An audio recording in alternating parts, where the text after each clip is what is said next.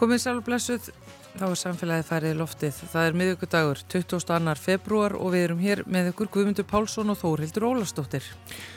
Við gerum tilraun til kvalaskoðunar í samfélaginu í dag. Frettir og myndskeið af núfubökum við Hafnarfjörðarhöfn ur til þess að við byrjuðum daginn á þeim slóðum með ettu Elisabetu Magnúsdóttur, sjávarlífræðingi og lektor við Mentavísindarsvið Háskóla Íslands. Störðum út á sjó í þeirri von að sjá núfubak blása og spjöldluðum um þessar áhugaverðu skefnur. Þú maður að heyra þetta allt saman hér eftir smástund. Við ætlum svo að skoða skadabótaskildu og ábyrð fólk sem sinnir sjálfbúðaliða störfum. Hoppjúkastala slis á Akureyri og ákjærur í kjölfar þess eru tiletni þó við dveljum ekki við það einstaka mál. Allum frekar almennt að skoða ábyrð einstaklinga annarsvegar og félagas, félagasamtaka hverskonar hinsvegar með profesor við lagatild eh, Háskólans í Reykjavík, húnum Guðmundi Sigursinni. Málfarsmínútan verður á sínu stað og Edda Olgudóttir ætlar svo að spjalla við okkur um vísindi eins og alltaf á miðugutugum. Já, en það er þessi megrunapilla. Sikursík, eða hvað er þetta? Sikursíkis mögrunar lif Þetta er lif, já Man ekki hvað Held það sé ekki pilla Komast það því að Já, við, við fáum að heyra það. En fyrst er það núubakar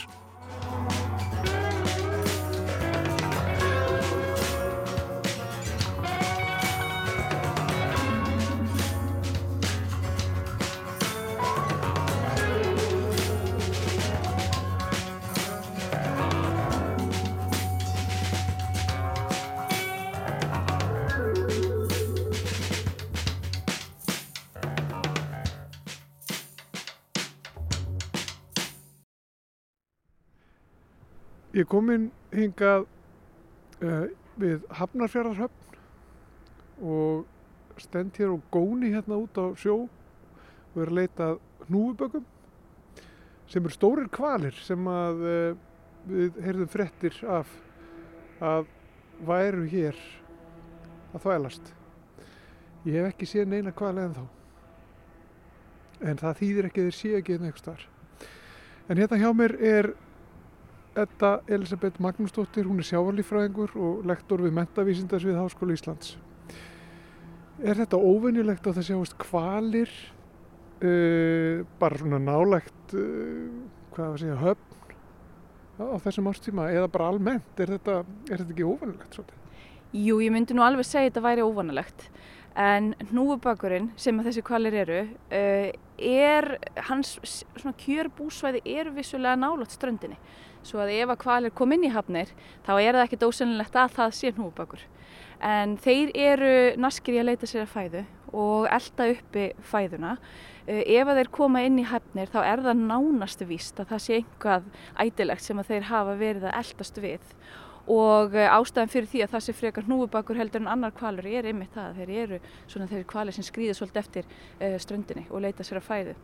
En það er kannski sérlega óvanalegt svona vetri til nú er februar og svona allavega samkvæmt fræðunum eins og, eh, eins og við lærðum þau áður að þá eigða hnúbakar veturinu meir og minna við miðbögin. Þar eru fengi svæðin þeirra eða ekslunasvæði, það sem þeir hittast stopnar frá mörgum fæðusvæðum, til dæmis frá Íslandi og Noregi og fleiri stöðum og það sem þeir makast eða, eða kýrnar þær eru að kelfa.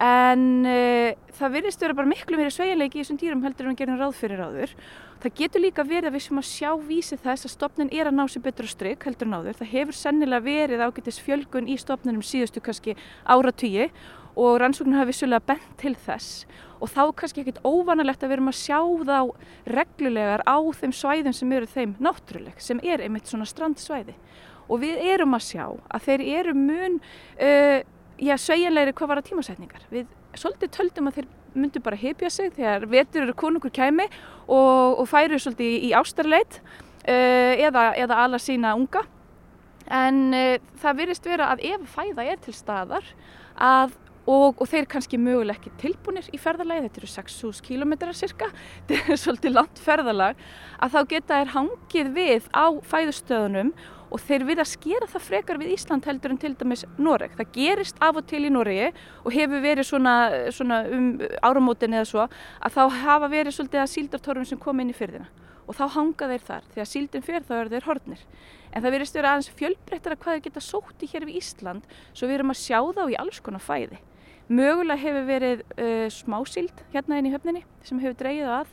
Við erum ekki búin að, hérna, að, að sanna það en það er svona ekki ólíklegt og við höfum séð hvernig þeir eru að geta. Þá er þeir að koma upp með opið genið og uh, þá er þeir, það er svona sérstök hegðun eða fæðuhegðun þegar þeir eru að, eða veiði, veiði hegðun þegar þeir eru að veiða smáan fisk. Uh, en svo höfum við séð að vera að veiða átu og ímislegt uh, hérna við Ísland yfir vetturinn. Svo það virðist vera bara hér við Ísland sérstaklega að þar eru bara kjör aðstæður fyrir þá yfir veturinn ef þeir eru ekki tilbúinir í farið. En svo eru þeir orðinni frjóir á þessum tíma. Svo að maður gæti séð og kannski æstlast og það við höfum verið að taka upp söngva og það er einmitt söngvarnir sem að gefa til kynna að þeir séu í ástraleit og þeir gera það alveg hér líka sem er svolítið áhugavert. Þeir eru ekki bara að henda sér yfir í, hérna, í heituhöfun til þess að gera það. Þeir byrja hér ef þeir eru æti hér og þeir eru orðinni frjóður og til í tuskið þá bara virðast þeir reyna einhvern veginn að blanda því saman. Og þannig erum við að sjá kannski tegund sem er miklu fjölhæfur og dýnamískari heldur en sumar aðra tegundir og það gæti, te, kvala, og það gæti verið svolítið ástæð þess að þessi tegund virðist verið að ná sér ágætla á stryk sveigjanleg í búsvæðavali, sveigjanleg í fæðuvali og greinilega sveigjanleg hvar þeir þurfa að vera þegar hérna, svona, uh, ástarhormonin rjúka upp hjá þeim. Og er þetta þá svo tegund af þessum stærri kvölum sem er einna algengust eða hvað? Já, núna er hnúfubakurinn orðin einn algengastur við strendur Íslands. Svona, uh, það er ekki, kannski vantar uh, svona formlegar talningar en uh, það sem að kvalaskoðunar fyrirtækin eru að sjá, það er fyrst og fremst hnúfubakar uh, og, og, og yfir meirum minn allan á sér sring. Svo þegar sumara kemur þá eru fleiri tegundur sem bætast þarna á listan.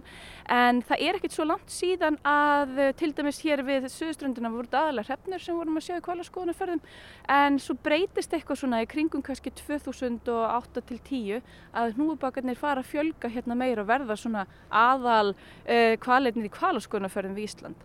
Uh, svo að þetta, þeir eru, jú, orðinir kannski þessi algengustu. Stórir og miklu kvalir, þeir verða um 40 tonn full vaksta og um 15 til 18 metrar, þannig að þetta er alveg stærðir en að dýr. Og, Man, já.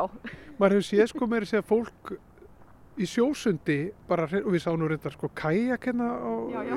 ykkurum miðlum hérna vefmiðlinum um daginn sko þar sem að, að hérna kajakaræðarar uh, voru konur hansi nálagt uh, eh, hnúubökum eða hnúubökar nálagt kajakræðurum það er fyrir eftir hvernig maður lítur á það við höfum líka sér fólk bara vera á sundi innanum, unnenum þessar skeppnur eh, myndið þú gera þetta?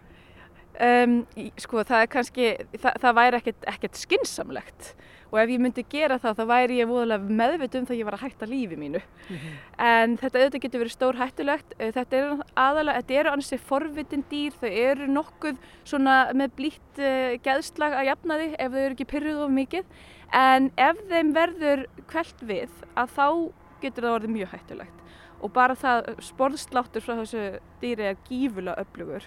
Og það gera þeir ef þeim bregður, þá sláður til sporðinum ef að fólk heldur sig bara svona í hæfilegri fjarlæð að þá er þetta svona mestmögnins nokkuð örugt en þegar þú ert til dæmi sundmaður eða kajagræðari, kannski sérstaklega kajagræðari vegna þess að það heyrist ekkit íkja mikið í þér. Og sérstaklega þú setur bara kjör og lætur þið fljóta Þetta er náttúrulega voðalega hérna, hljóðvænt, það er ekki háað í þessu og æslagangur og trublar kvalin ekki þannig en hættan er kannski svo að þeir átta sig alveg alltaf á nákvæmlega hvar þú ert mm. og þeim getur brugðið þegar þeir kannski skindilega verða að vöru við eitthvað þarna upp á yfirborðinu og kannski slá sporðinum. Það eru dæmi um hnúbakar að þeir eru gerðnir á stökkva svolítið, þeir eru kraftmiklir og, og ef þeir stökkva og átta sig ekki á staðstæðin kajaksins þá get, hefur fólk lendi í mikilvæg hættu. Þetta er náttúrulega eins og ég segi 40 tonna flikki, þetta er risastór dýr, gífulega sterk, ofbáslega snöggir með við stærð. Þeir eru svo fljótur, þeir geta snúið sér á staðnum og tekið svo sprettin. Þannig að merkilegt hvað þessir, hlúkar geta, geta sko. þeir eru ofbáslega snarir í snúningum.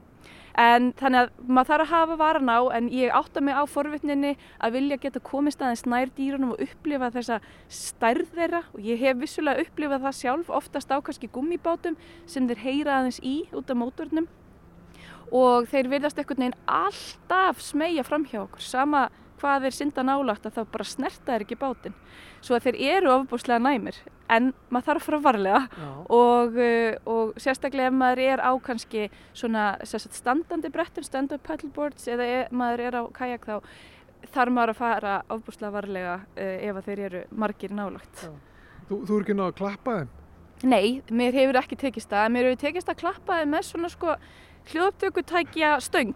Þá er ég með stöng sem ég smelli fram til þess að skella hljóðtökutækja á þá og það er eina klappið en ég hef ekki náð með fingurgómunum. Og forvitni mannsins er náttúrulega þannig að við okkur langar að snerta það sem við erum forvitin yfir. Svo þetta væri ég til í það. Mm -hmm. en ég væri mjög meðvitið um áhættuna sem ég verið að taka.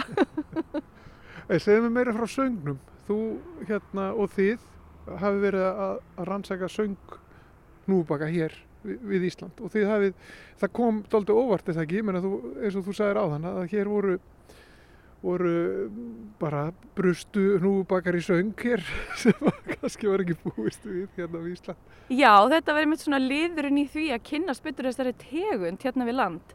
Uh, svona í kringum 2009-10 þá er ég að taka upp og til 2011 þá er ég að taka upp hljóðursjónum og í rauninni óvænt tökum við upp mjög mikið af hnúbakssöng þar sem við getum sagt einmitt þeir brust í söng og þetta eru söngar sem við greindum og, og algjörlega passa inn í sagt, að segja, hérna, sniðmátið sem ástarsöngur. Svo þetta var ekki svona eitthvað babl það sem eins og við þekkjum með söngfugluna, þeir byrja að babla og eru svona að æfa sig þangu til þeir eru komnir á réttan stað en þetta var í rauninni virtist að vera nokkuð fullmótaður ástarsöngur og sem að síndi okkur að þeir eru hér við Íslandi lengur heldur en við gerðum ráð fyrir. Það er greina lengur tækifæri hér, mögulega til ægslunar með þeir að hafa aðgengja mat. Uh, en uh, það sem er líka bara svo ótrúlega áhugavert við söngin er að uh, söngurinn er sérstakur fyrir hvert ár og við bárum saman söngin sem heyrðist hér og í Karabíska hafinu og söngur sama árs, það er að segja söngur sem heyrðist kannski hér í februar, mars og heyrðist kannski í Karabíska hafinu í segjum mars-mæ, hann er bara svo sameila sem að þýðir að þeir eru að skiptast á upplýsingum og læra söngina af hverju öðrum, byrjar kannski hérna í, norð, hérna í norðrinu og svo flist söngurinn yf, niður á, hérna, á lægri breytaböga þar sem að hann heldur áfram í, sínum tilgangi sem ástarsöngur.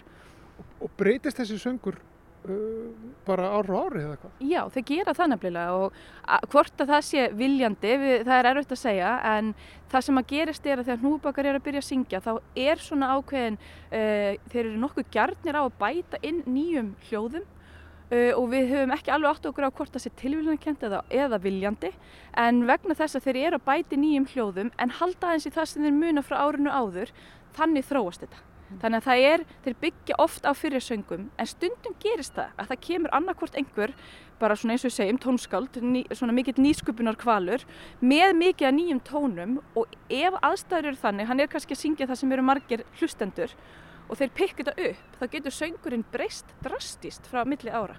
Það kallar svona söng revolution uh, á fræðumólinu, eða song revolution og uh, þannig að það er greinilega einhver svona tendens til þess að heyra ný hljóð og færa þau inn í söng svona rununa sína eða repertórið sitt.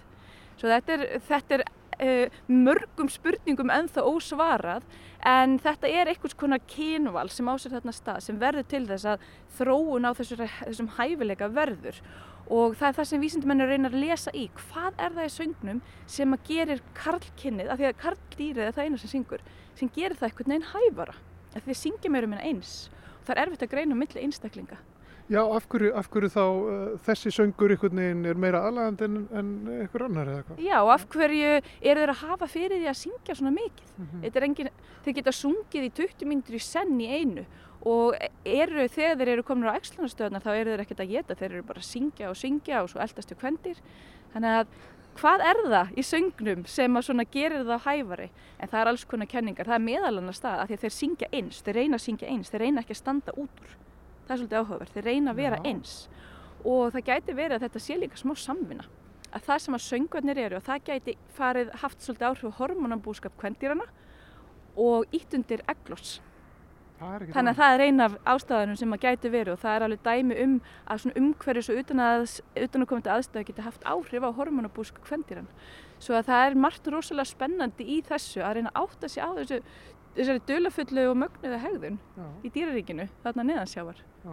sem ásist að hér líka.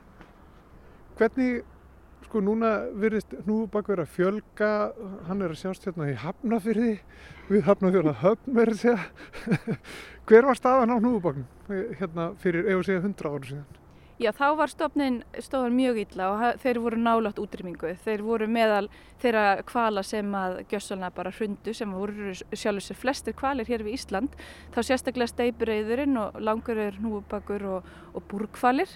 E, búrkvalir eru alfari verndaðir og, og, og hnúfubakar líka e, og steipureyðar vissulega. En hnúfubakurinn ólíkt kannski steipureyðinni, hann hefur náð sér betur á strik. Úr því að vera í afskaplega litlum stofni yfir í svona kringum kannski svona næri 10-11 þúsund dýr svona kringum Ísland og, og, og svona norðanverðu norður Allandshafi og það telst svona ágætlega stöðugur stopn líklega en e, það, það sem að svona vekur furðu er hversu vel honum gengur þessari tegund meða við eins og steipureyðina en það er kannski það sem að helst gefur svarið er eins og ég sagði áðan þeir eru ofbúslega fjölhæfir í fæðuvali og geta einmitt bara skuttla sér inn í hafnir þrátt fyrir meiri háttar stærð ólíkt steipireyðinni sem er enn stærri og sækir bara í helst ákveðna tegund af átu. Þannig að það að vera mjög sérhæður á hvað þú vilt borða eða hvað þú getur borðað gerir þig svolítið svona veikari í þessum aðstæðum sem við erum með í dag. Það er að segja breytt loftslag og breytt umhverju sjónum. Svo að eh, þessi hæfni hnúfubaksins að geta komið inn á bara grunnsæfið, við höfum verið að fylgjast með þeim í 6 metra dýpi sem er bara ekki neitt, aðeins að stranda þar sem þeir eru að taka snúninga. Þannig að þessi hæfni verðist svona hjálpa þeim í mjög breytilegu hafi um þessar stundir. Þegar svona aðstæður komu upp og þú sér svona frettir og frettir af núfubökum hérna bara innan seilingar, sko, það er bara, eins og segjum, það er hérna bara hafnafjörðahöfnin, það eru, eru núfubakar. Hva, hvað langar þig að gera og, og hvaða, hvaða tæki setur þú í leðslu og, og, og hérna, hvað, hvað langar þig að gera núna þegar þú veist af núfubökum mögulega hérna nálægt okkur? Þó við höfum nú, við erum nú búin að góna hérna út á, á sjóin allan tíman, við erum búin að tala saman og við höfum ekki séð neitt ennþá. En eins og við sögðum á það þýðir ekki að sé ekki neitt nálægt. Þeir eru örugglega bara hérna rétt fyrir utan hafnaminni það sem við sjáum ekki sko. En uh, jú, ég er nú búin að setja kápóti minn, svona fjárstýran kápóti í hlæðslu. Það er nú þess að ég er forvitin að sjá hvað þeir eru að geta. Uh, hvort að það væri, ef ég hef væri svo heppin að þeir væri hérna nær, þá gæti ég sett út uh, sérsagt kápót til þess að kanna hvaða mögulega æti væri að trekja það af. Það er náttúrulega bara það sem að við vitum ekkit alveg fyrir víst. Uh, og væri mjög forutnilegt en svo er ég með dróna sem að ég mig langar gjarnan að setja í lofti þegar veðrið er svona ágætt og hvalinni nálaðt landi. Þá getur þú staðið bara frá landi og flóið drónunum. Og drónin, hann getur gefið mér upplýsingar um bæði hegðun þeirra. Ég get séð mögulega hvað þeir eru að geta ef þeir eru að geta upp í yfirborðið. Og ég get líka mælt stærðin á þeim. Og líka bara líkamsástand Þannig að það er svo margt sem ég get fengið frá þeim upp, upplýsingum. Svo það er svona auðveldast að það er það sem fór fyrst í hlæðslu. En svo eru önnu tæki sem er aðeins svona krefst meiri útgerðar að, að nýta. Það, við höfum verið að setja hljóðtökutæki á þá og ég vil tæki með myndavél á og þá þarfst að vera með bát og þú þarfst að vera með krú og þú þarfst að fara hérna út og geta eitt öllum deginum í að vonast til þess að komast í, í, í kvalin. Þannig að sem maður fuglaðir eru eitthvað réttur að sækja sér eitthvað í yfirborðið, það er eitthvað þarna sko. ég, Þá verður maður forvitin. Já, maður sé fyrir ykkur reyfingu og þá Já. bara strax fyrir auga þangað, sko. að veiði manns augun sko, þau fara alveg bara hérna þau fókusa á staðinn það er æti hérna, það er eitthvað, eitthvað sem að- aðstæður sem hafa va- valdið því hérna er eitthvað æti sem bæði fugglin og kvalurinn leitar í fugglin er hjálplegur fyrir þá sem er að leita kvölum vegna þess að það sem að þeir trekja að og, eða trekja saman og, og byrja að sína, verða svona svolítið spenntur og jafnvel fara og dýfa sér það er líklega einhver matur sem að kvalurinn hefur líka áhuga á og svo elda er líka kvalinn, þeir vita náttúrulega alveg að þegar kvalurinn er að geta hann færir fæðiðina upp að yfirborðinu og það hjálpar fugglinn. Já.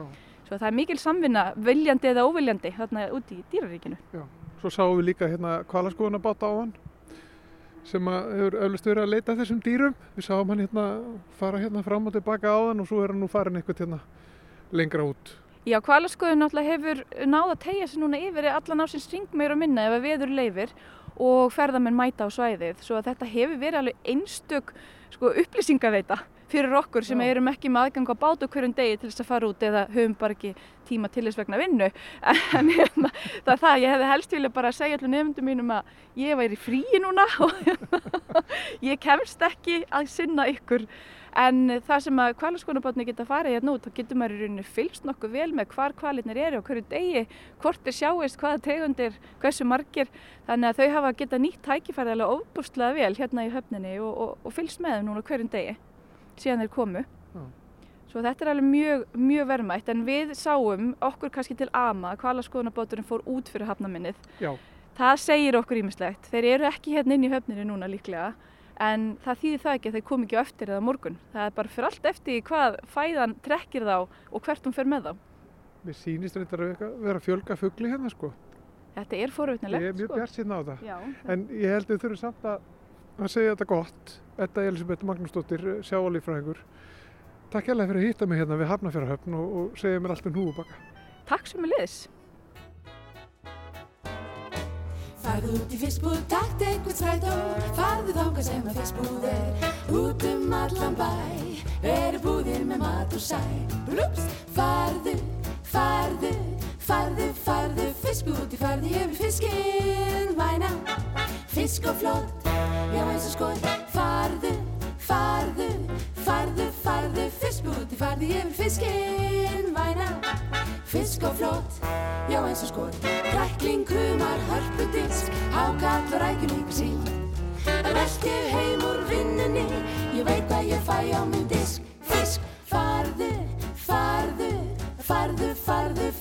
Fiskbúti, farðu yfir fiskinn Væna, fisk og flott. Já eins og skot Rambo, Miriambo, Rambo með.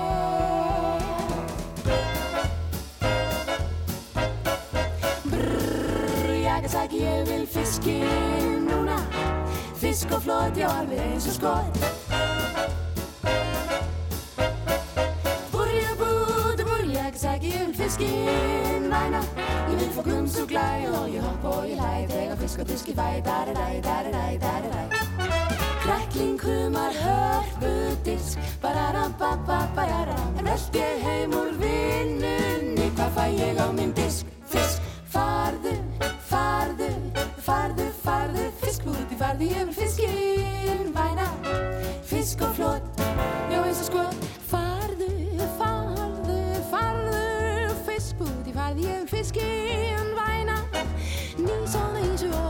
Flott. Krækling, humar, hörpudisk Hákar, drækjur líka síld Er velt ég heim úr vinnunni Er drip, drip, drip að dripa gluggan minn. Þóðan Farðu, dararæ Farðu ef þú ert fiskinn Væna, fisk og flott, já, eins og skott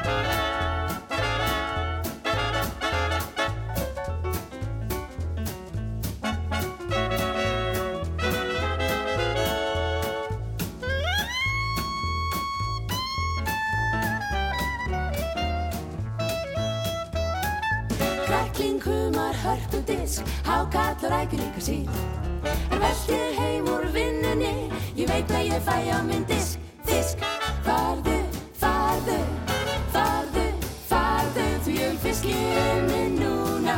Glæni að ísu sjó.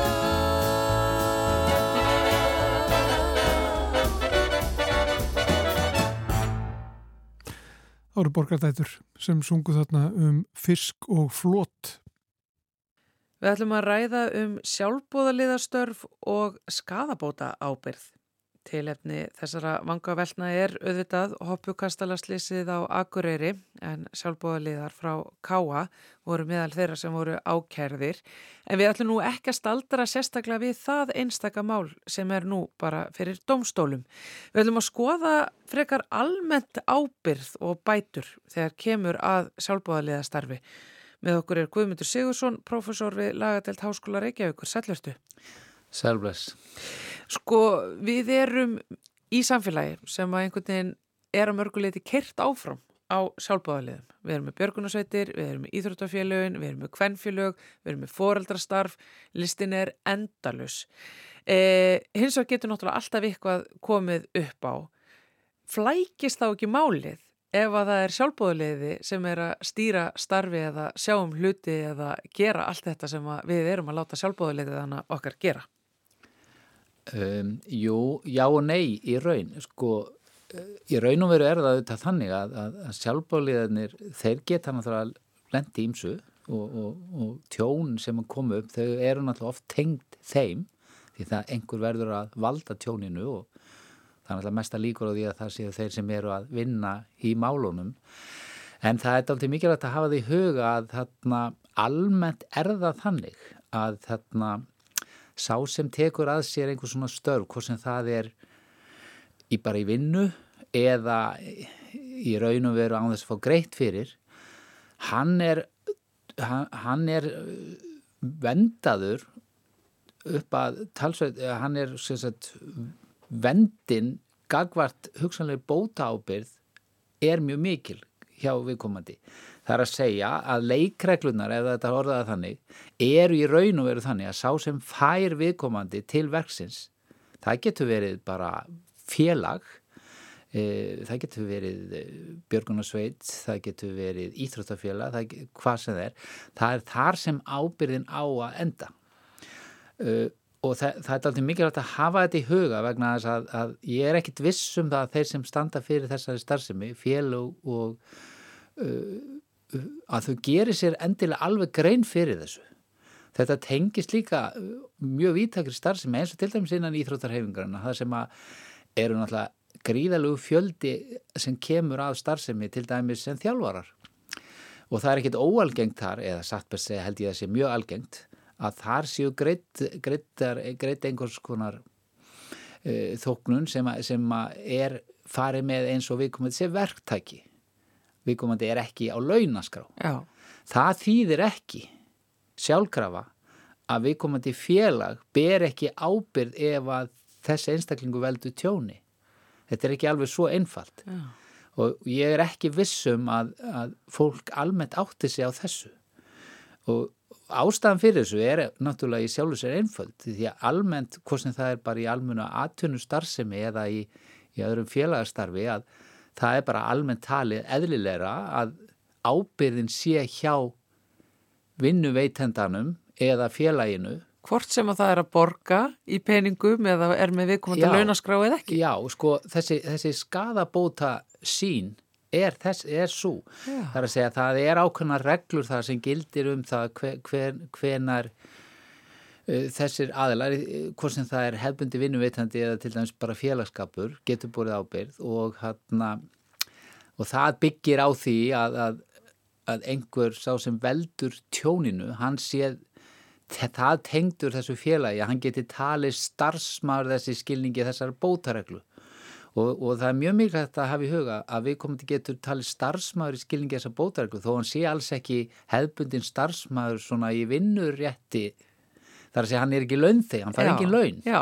Þannig í raun og veru er það þannig að, að sko, þessi, þessi regla getur verið svo víðtæk að jafnvel ef maður bæði nágranna sinna aðstóða sig við eitthvað verk heima við þar sem maður er að, já ég menn hann getur verið að móka snjóa tröppunum fyrir mann að því að hann er betur til þess fallin og er, er, er, er ekkert um almenniheitin en hann tekst kannski ekki nógu vel til. Þannig að þegar að eh, einhver kemur eh, hver, hver svo sem það er þá rennur hann í tröppunum og slasa sig.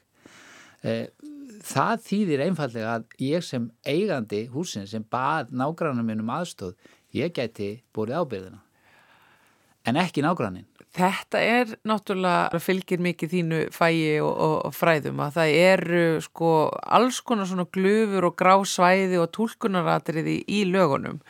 En mér lókar það bara til þess að leggja fyrir þig dæmi. Ef að ég væri í kvennfélagi, kvennfélagi efstalitis af því að við erum þar núna og við myndum, værum að halda kökubóð og ég myndi gera rjómatertu sem að væri hins vegar með kamfilobaktius í og ég myndi selja hana á einhverju uppbóði kvænfélagsins og, og sá sem myndi kaupa raumatertuna myndi veikjast og öll hans fjölskylda. Hvort er þá ég sem bakaði kökuna skafabóta skild gafkvar þessari vesalingsfjölskyldu sem er núna með kaffilubaktus eða kvænfélaga efstaletis? Sko, ef að það er hægt að sína fram á að, að, að baksturinn hjá þér hafi ekki verið svona átt að vera þar að segja að þú hafið í raun sko hagað þér þannig að, að sko skadabótarétturinn segir að þetta hafi ekki verið í lægi og þetta sé skadabóta skilt þá er, þá er þér meirreglan svo að hvemfélagi bæri ábyrða á því sem vinnuveitandi í skilningi þessa, þessara reglu. En ég er að baka fyrir þetta hvemfélag. Já, en, en þú gætir stund, sko, það er möguleik að þú getur líka búið ábyrð en það þarf frekar, frekar að koma til.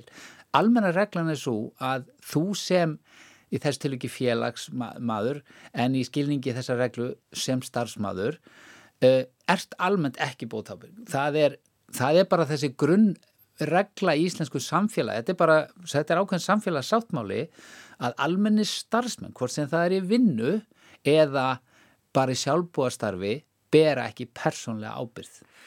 Auðvitað getur það gest, en það eru frekari kröfur gerðar til hvernig þú hagaði þér, en svo lengi sem að þetta er bara svona það sem við segjum einfalt gáleysi, jú, jú, þú hagaðar þér ekki eins og áttur að gera en þetta var nú kannski ekkit stórvægilegt frávik, þá er almennareglan svo að hinn einstakki starfsmaður eða félagsmaður í þessu tilviki verður ekki gerð persónulega ábyrgur, ábyrðin mun enda hjá félaginu eða vinnuveitendar. Það er megin reglan og þetta er mjög mikilvægt. E, ef þetta væri ekki svona eða væri hinn einstaklingur þá stæðu bara nánast allir frammi fyrir þeirri spurningu býtu hvað á ég þá að gera? Á ég sem starfsmæður hér í einhverju fyrirtæki eða sem félagsmæður í hvemfélagi? Á ég bara að fara að kaupa mér ábyrratryggingu fyrir þegar ég ætla að baka köku? Það væri ansi langt seilst. Hins vegar ættu félagin að spurja sig að því hvort þau ættu að vera með ábyrratryggingu.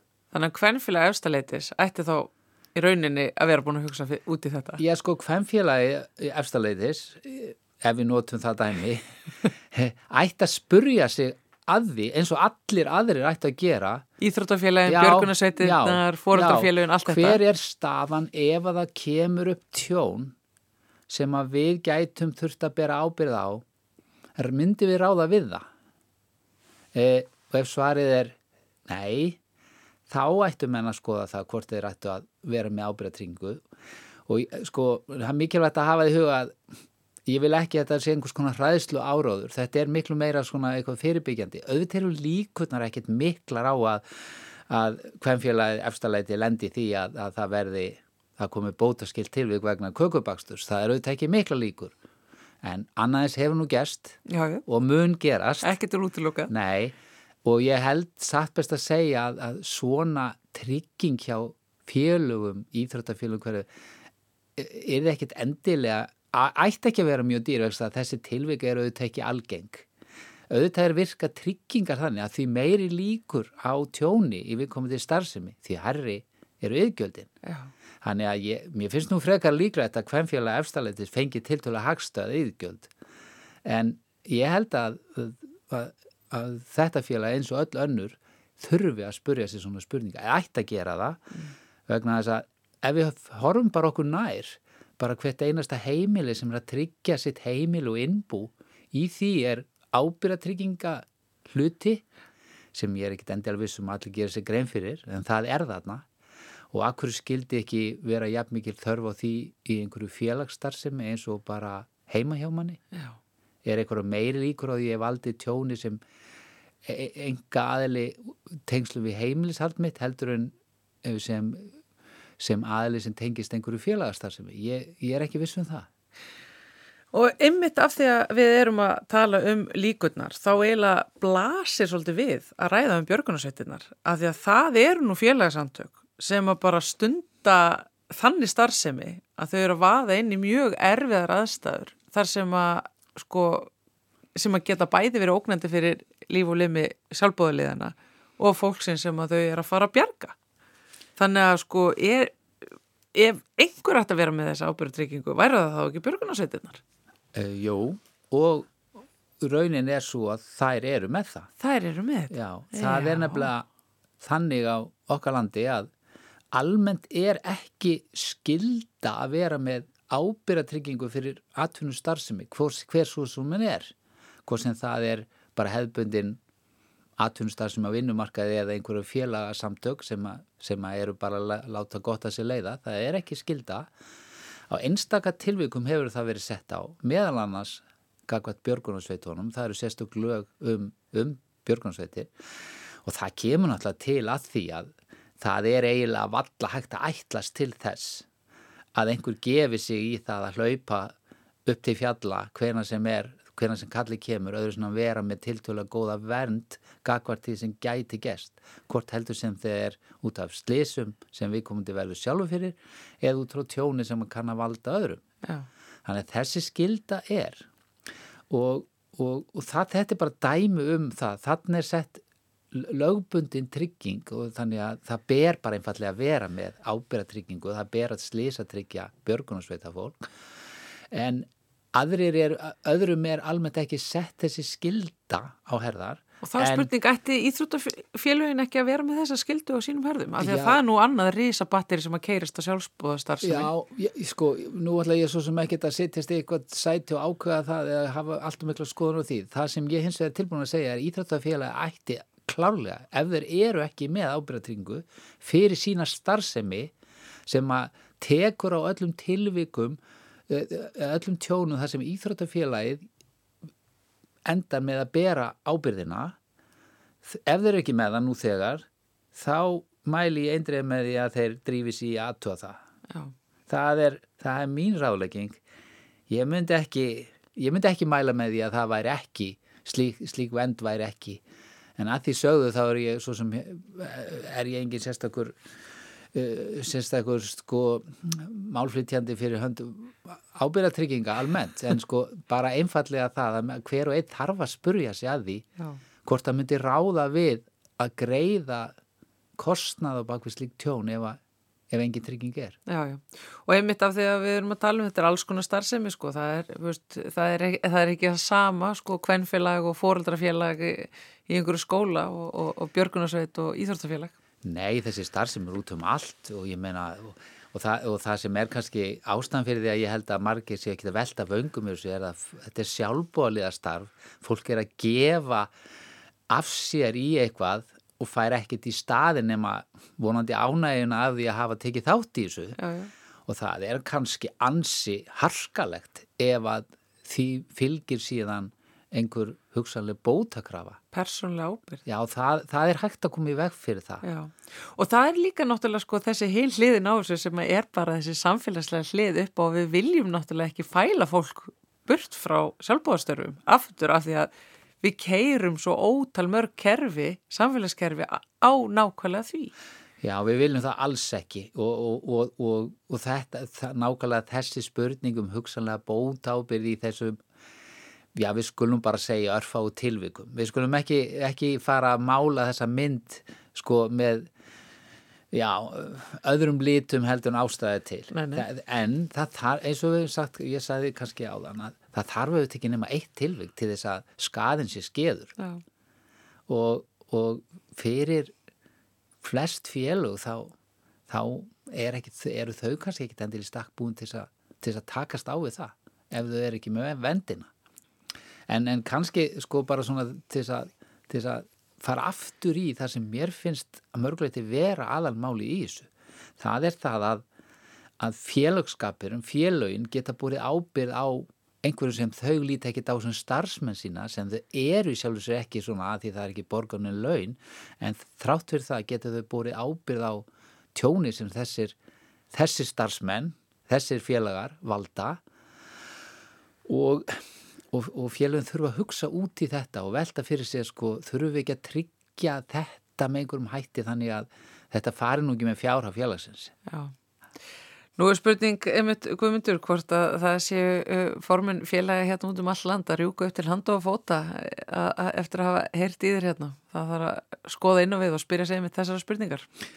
Já, ég held að þurfi nú kannski ekki að rjúka upp úr stólnum þar sem þeir sitja en þeir, þeir, þeir mættu alveg spurja sér þessa spurning og velta þessu aðeins fyrir sér hver, hver vendin er og, og því að svo er líka eitt í þessu að því að ég held nefnilega að stundum eru menn með svona tryggingar en, en þær eru kannski ekki endilega uh, að taka á öllum þeim starfsmönnum, ef við notum það orð, sem að í raun þær þyrft að gera. Vegna að Það getur verið til dæmis segjum að íþrættafélag sem með ábyrratryggingu fyrir starfsemi sína en tryggingin er oft þannig úr gardi gerð að hún um, sá sem tryggir, tryggingafélag, það spyr út í hver, hver er áhættan og, og eitt af því sem það mun fá að vita er hversu margir eru starfsmenninir og ef þú segir, já þeir eru fimm, af því að það eru þeir sem þú borgar laun þá er vendin miða við tjón sem þeir valda en ekki allir hini sjálfbóliðarnir sem hugsanlega gætu valdi tjónu. Þannig að það er mjög mikilvægt að menn veldi fyrir sér á hverjum gætu við búið ábyrð og að tryggingin taki á þeim, þeim öllum, þar að segja þeirra hátsemi, ekki bara þeim sem við borgum laun, heldur hinnum öllum líka. Það er þannig ef að þú tekur tryggingu og yðgjöldin eru reiknu út frá þessum fimm starfsmenn sem borgar laun, þá mun tryggingin ekki bæta tjón sem einhver sjálfbáðaliðana veldur. En, en félagið mun sitja upp með ábyrðinu. Já, það er margt í mörgu og svo sannlega þegar kemur að tryggingum og lögum þínu fæi. Guðmundur Sigursson, professor við lagatelt Háskóla Reykjavík. Takk hérlega fyrir komin í samfélagi. Takk svo um leiðis. I am Jeremiah Dixon I am a Geordie boy Glass of wine with you, sir, and the ladies I'll enjoy. Old Durham and Northumberland is measured up by my own hand. It was my fate from birth to make my mark upon the earth. He calls me Charlie Mason, stargazer am I. It seems that I was born to chart the evening sky. They'd cut me out for baking bread, but I had other dreams instead. This baker's boy from the West Country would join the Royal Society. We are sailing Philadelphia, a world away from the coldy time. Sailing to Philadelphia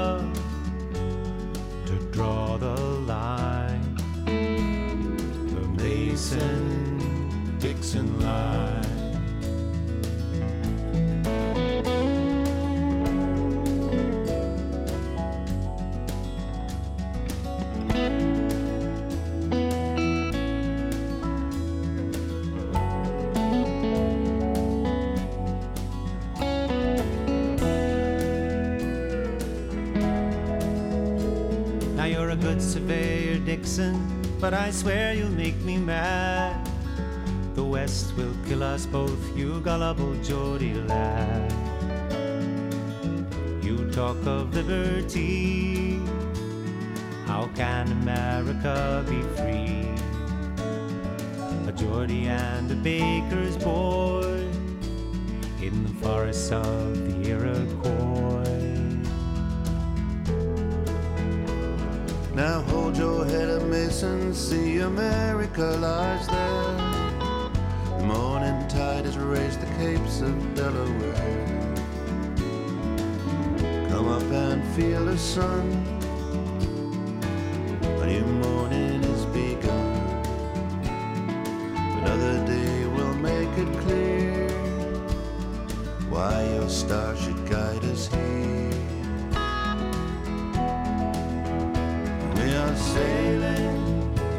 Philadelphia,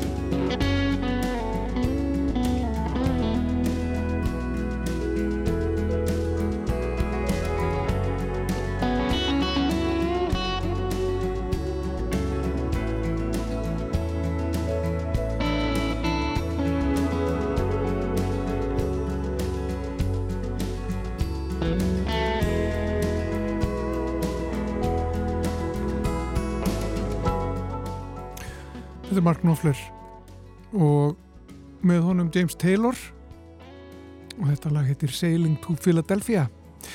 En þetta Olgudóttir er sest hérna hjá okkur, við ætlum að tala um hana eftir örskamastund en fyrst heyru við eina málfarsminútu.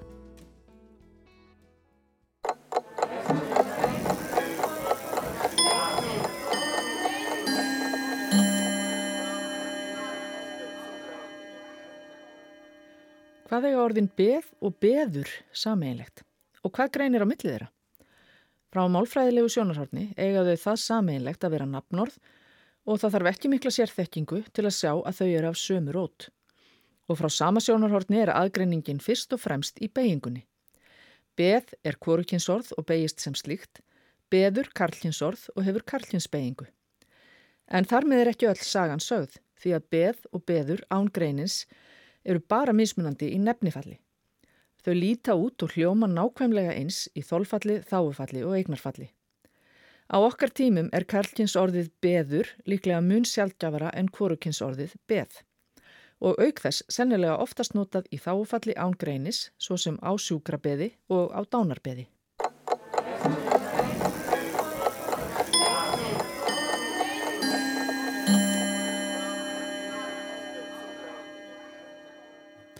Anna Sigrir Þránsdóttir Málfarsraðunötur þarna með Málfarsminutuna sína og við förum þá bara beint frá henni yfir í vísendarspjallið með ettu Olgudóttur Sælvertu. Sælverði. Hvað ertu uh, með í farteskinu í dag? Í dag langaði með að tala um hérna lif sem heitir Saxenda og þetta er lif sem hefur verið svolítið mikið í deglunni undanfarið en þetta er sem sagt lif sem að e, það er skráð sem lif til að hjálpa við þingdarstjórnun. Já. Þannig er það skráð í livjaskrá og þetta er lif þar sem að hérna, virka efnið heitir líraglútætt eða stundu kalla semiglútætt og þetta er hérna, efni sem hermir eftir virkni hormón sem heitir glukogen-like peptide 1 og það er sem sagt hormón sem að sest á sína viðtaka og örvar þannig losun insulins mm. og þið veit að insulín er hormónin sem við þurfum að nota til þess að koma eh, sigri eða glúkósa úr blóði og inn í frumöndun okkar. Það er svona eins og likillin að hérna glúkósa viðtakanum á mm. frumunum þannig að ef við ætlum að nýta þessa orku sem við fáum úr glúkósunum þá verðum við að hafa insulín og GLP-1 eða glúkó glukogan-like pepti 1 sem sagt örvar seitun insulíns þannig að þannig stöðlar uh, lifið og þetta prótín að hérna, lækun blóðsíkurs en það er að auki að þá hamlar það líka að seitun á glukogen sem er nefnilega það sem að eða hækkar blóðsíkurinn hjá okkur ef okkur vantar, eitthvað, ef okkur vantar orku og þá seitum við út glukokeni og það breytist í glukósa sem er svo hérna sett inn í frumunar með hjálp insulíns mm.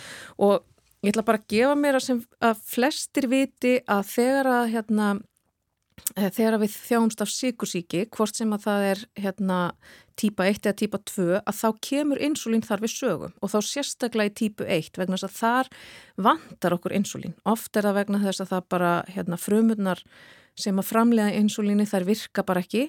Og þá þurfum við að koma insulíni inn í líkamann á, á annan hátt, til dæmis með því að spröyta því okkur, en hérna, síkursíki típa 2 að þá hafa frumöndar okkar bara mist næmið gegn insulínu þannig að það er insulín til staðar en frumöndar ná bara ekki að þær nota það ekki og hafa bara þær eru með ákveð viðnám gegn insulíni og þess vegna er til dæmis síkursíki Eh, er það skima fyrir síkursíki með, hérna, með því að skima hækkun í blóðsikri vegna þess að ef að við erum ekki með ef að frumunar hafa ekki næmi fyrir insulíni þá náðar ekki að taka inn glúkósan sem er í blóðinu og þá hækkar blóðsikurinn þannig að þetta liv, hérna saksenda sem er skráð sem liv uh, við þingdarstjórnun Það hefur samt reynst mjög vel til þess að hafa stjórn á blóðsikri og þess vegna hefur þetta liferi notað og gefið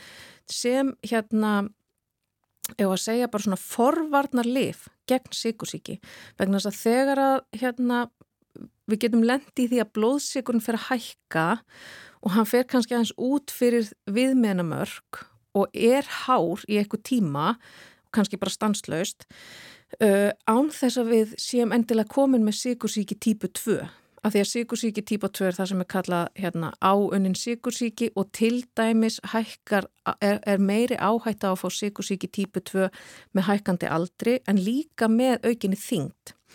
Og, hérna, og það, þetta ástand þar sem að, að blóðsíkurinn hækkar aðeins út fyrir viðmennamörk en fer ekki svo hátt að það sé að það flokkist sem hérna síkursíki og þá er insulín í raun og veru mælist engin breyting á virkni hjá insulíni en blóðsíkurnu samt hár að það kallast eiginlega á íslensku fórstiks síkursíki ég er svona aðeins að gefa mér að það sé íslenska orðið yfir að því á ennsku er það pre-diabetes.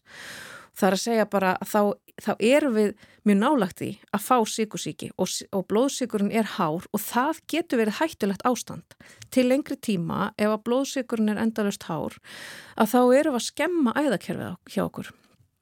Og það er náttúrulega það sem að gerist hjá fólki sem er með síkusíki og ómeðhandlaða þar sem að, að blóðsíkurinn er stanslust hár að þá eru við að eiðilegja æðakerfið og þetta getur haft mjög alvarlegar afleðingar til lengri tíma uh, fer kannski svolítið eftir hvaða hérna, líffæri verða fyrir barðinu en síkursíki getur til dæmis leitt til blindu og nýrnabilunar og svo getur hérna, þar að auki að þá getur fólk lendi í hérna, aflimun vegna þess að hérna, útlimir, þú veist, þeir hægt að virka eins og þeir eiga að virka vegna þess að, að æðakerfið er bara ekki að það stendst, stendur ekki undir sínu verkefni þegar blóðsíkurinn er svona hár. Þannig að þetta lif, eh, saksenda, hefur verið nota til þess að reyna að meðhandla þetta ástand, það er að segja forstiks síkusíki, þar sem við erum að reyna að læka blóðsíkurinn til þess að koma í vekk fyrir það að fólk fari yfir í síkusíki típu 2. Svo eins og ég myndist á áðan þá er þetta náttúrulega skráð sem lifi þingdastjórnun og það er það sem gerist þegar fólk fær þessi lif hvort sem að það er hérna, til að hjálpa við þingdastjórnun eða vegna þess að við erum að reyna að læka blóðsíkurinn en lifið hefur líka þau áhrif að fólk léttist yfirleitt og það er vegna þess að hérna, uh, prótíni hefur nefnilega líka áhrif á þau hormón sem að hafa, hérna, sem að stjórna settu tilfinningu hjá okkur. Þannig að þá í raun og veru eru við bara að hafa áhrif á það hvort að fólk sé svangt og þannig bara minka intökuna á, hérna, á mat, uh, já, á mat. Og þetta lif, þetta er sama virka, virka efni, líraglútætt, er sama virka efni og er í öðru lifi sem að heitir Victosa.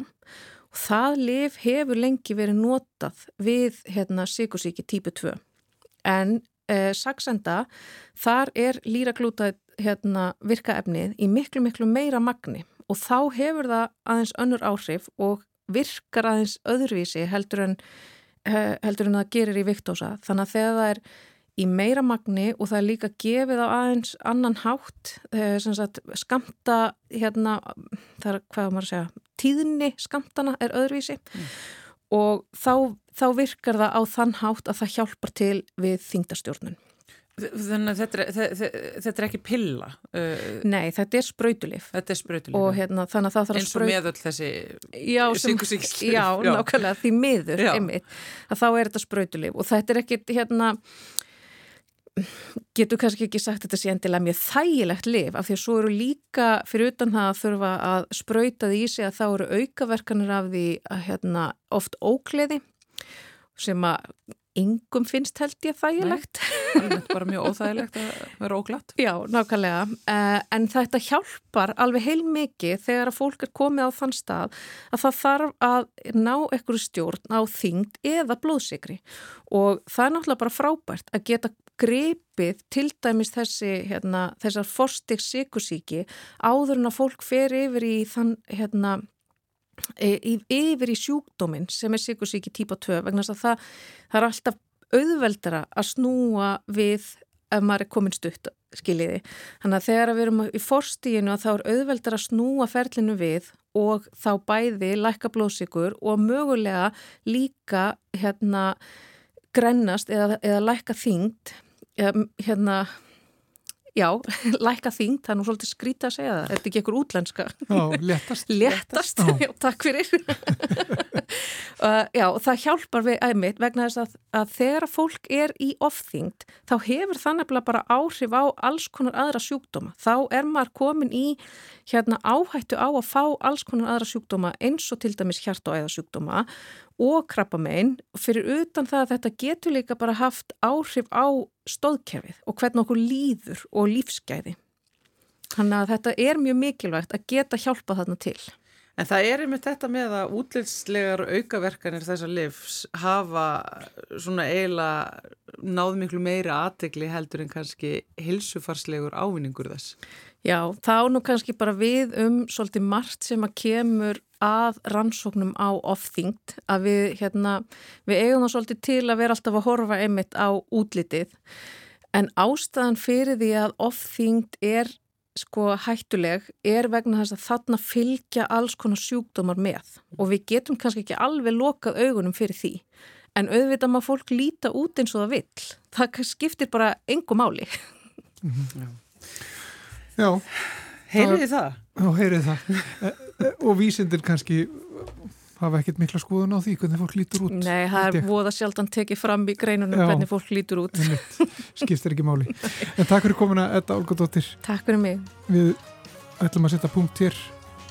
Þóldur Jó, mikil ósköp. En við förum bara eh, strax í það að huga næsta þætti sem er á morgun. Já, hann verður frábær Hann verður frábær og hann verður sendur út uh, já, ekki hérðan úr Östaleiti, hann verður sendur út uh, frá Akureyri. Já. Og uh, vestfjörðum. Norðaveru vestfjörðum er þessu þannig að það er eitt og annað framöndan hér í samfélaginu. Verðið bara með okkur. Já, já, við heyrjum bara morgun. Þánga til. Verðið sæl